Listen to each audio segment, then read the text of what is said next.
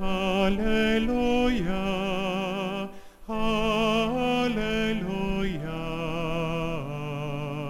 Alleluja.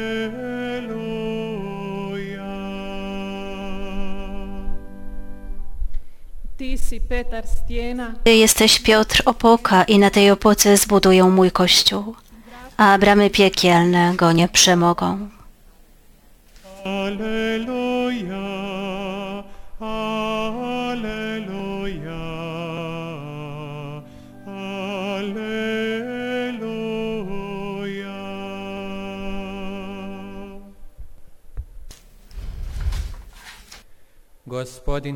Pan z wami. Słowa Ewangelii według świętego Mateusza.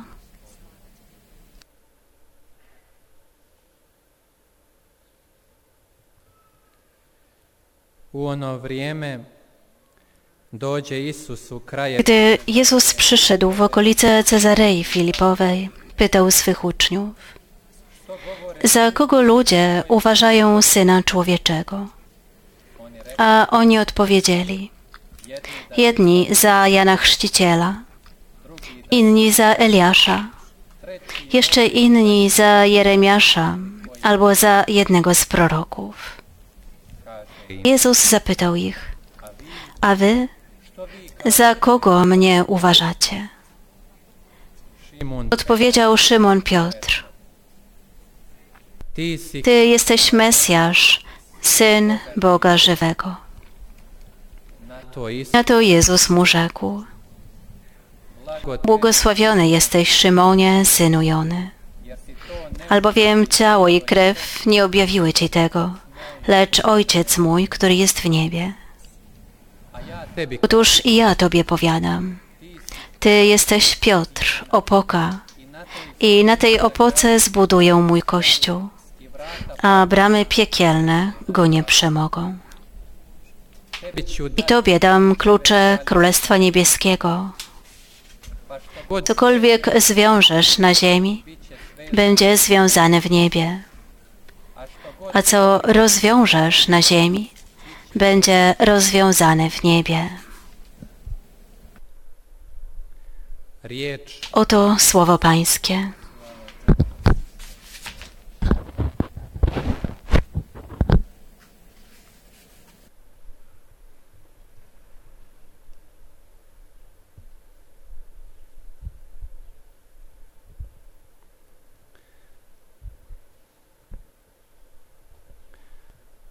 Pričaj mi o Bogu.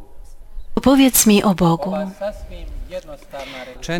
To całkiem zwyczajne zdanie zmieniło życie biskupa Aachen, Klausa Hemmerla. Był na pewnej uroczystości, kiedy podszedł do niego chłopiec i zapytał: Opowiedz mi o Bogu. Biskup był całkowicie zaskoczony, w ogóle się tego nie spodziewał. I to całkowicie zwyczajne zdanie, w którym nie ma niewiadomych, stało się niezwykle trudną prośbą. biskup powiedział, że zaczął się jąkać, mówiąc o Bogu. Zdał sobie sprawę, że nie jest konieczne sięganie do słownika teologicznego, stosowanie sformułowań religijnych, stosować wyrażeń dogmatycznych. Później zdał sobie sprawę, że pomimo licznych książek napisanych o Bogu, bardzo prosty imperatyw małego chłopca przemienił jego życie i jego pogląd na Boga. Ponownie wszystko weryfikował, modlił się, przysłuchiwał i szukał. I odkrył, że przez wiele lat żył gdzieś poza prawdziwym doświadczeniem bliskości i obecności Boga. Czasami całkiem zwyczajna prośba, proste pytanie może postawić nas w niezręcznej sytuacji. Częściowo z powodu nieoczekiwanej pewnej kwestii, częściowo z powodu przyjętej opinii że nic nie może nas zaskoczyć. Częściowo z powodu przekonania, że udało nam się rozwiązać określoną kwestię.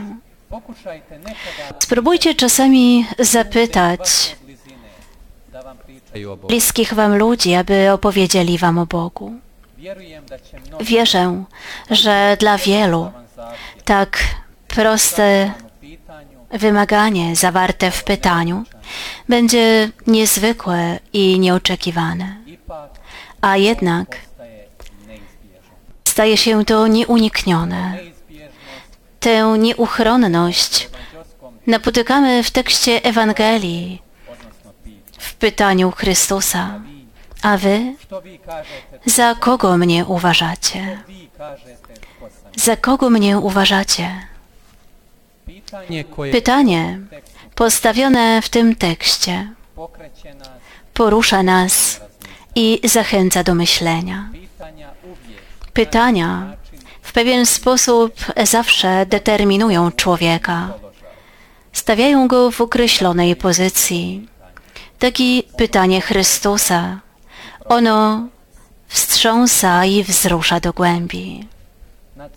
Našega vremena. Nad Kościołem naszych czasów unosi się pytanie, a wy za kogo mnie uważacie?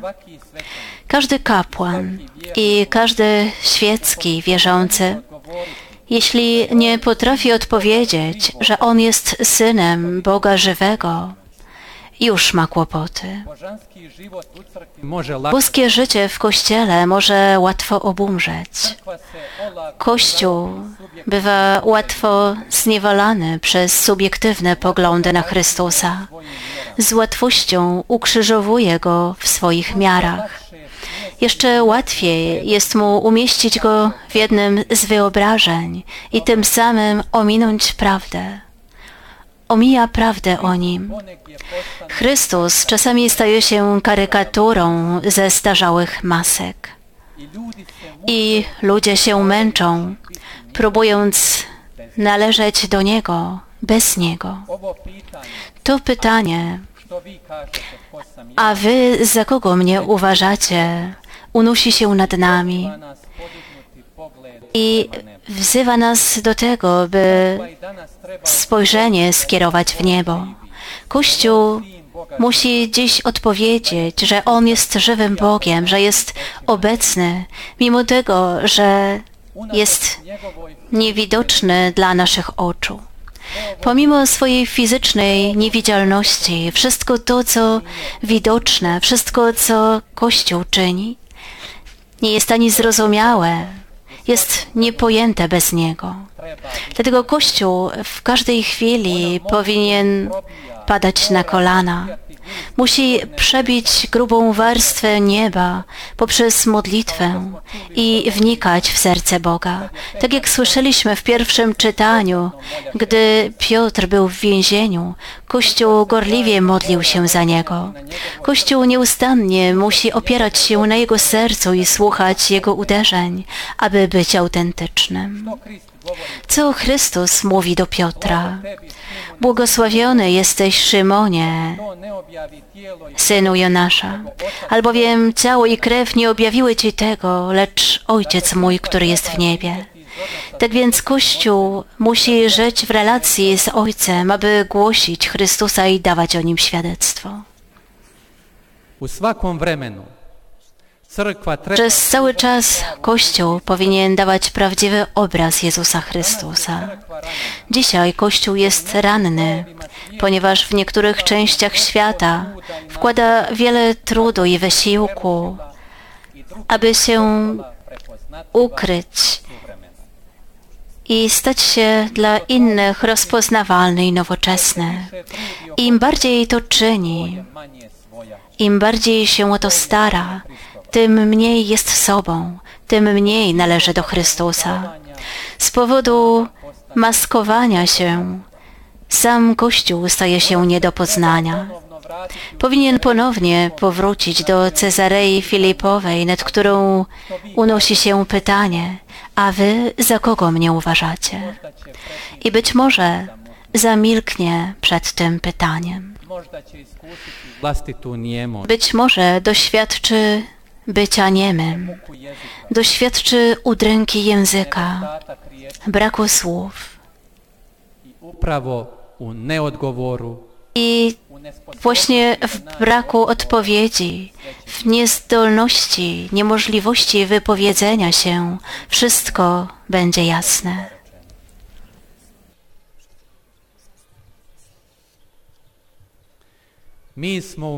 Jesteśmy w Medjugorju, blisko Maryi.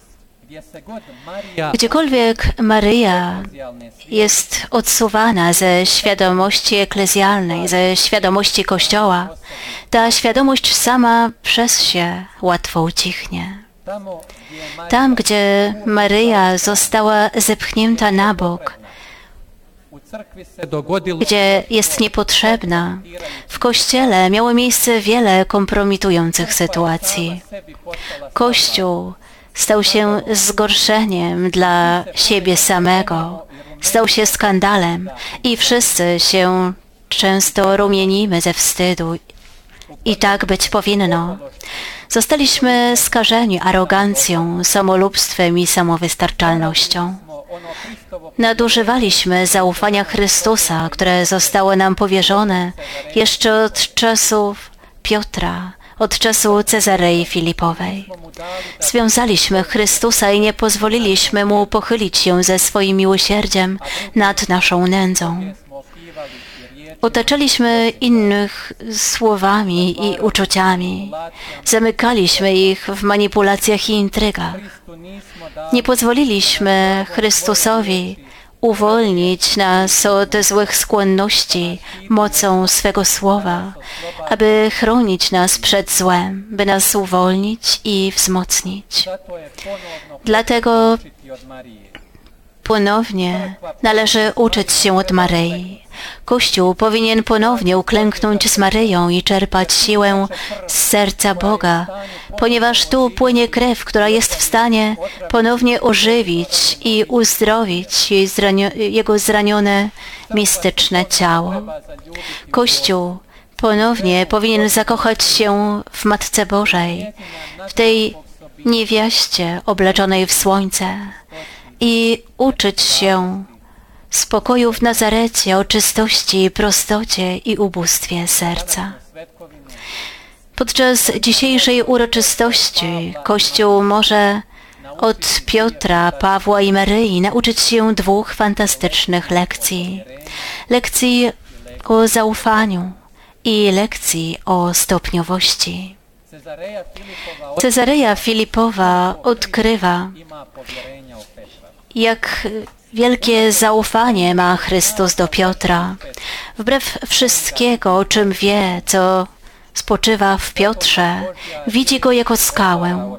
Dlatego Słowo Boże otwiera nam oczy, odsłania nasze konstrukcje myślowe i umiejętnie stawia nas z powrotem na boskim szlaku.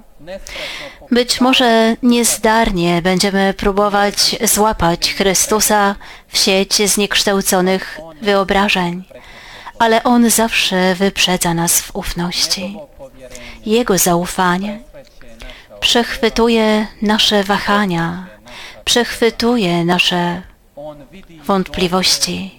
On widzi, jak daleko możemy się rozwijać. Widzi, kim możemy się stać. On zdobył nasze zaufanie, w ogóle nie pytając o nie. Tak wiele razy chcieliśmy do Niego dotrzeć naszymi myślami i uczuciami. Chcieliśmy zamknąć Go w naszych doświadczeniach, ale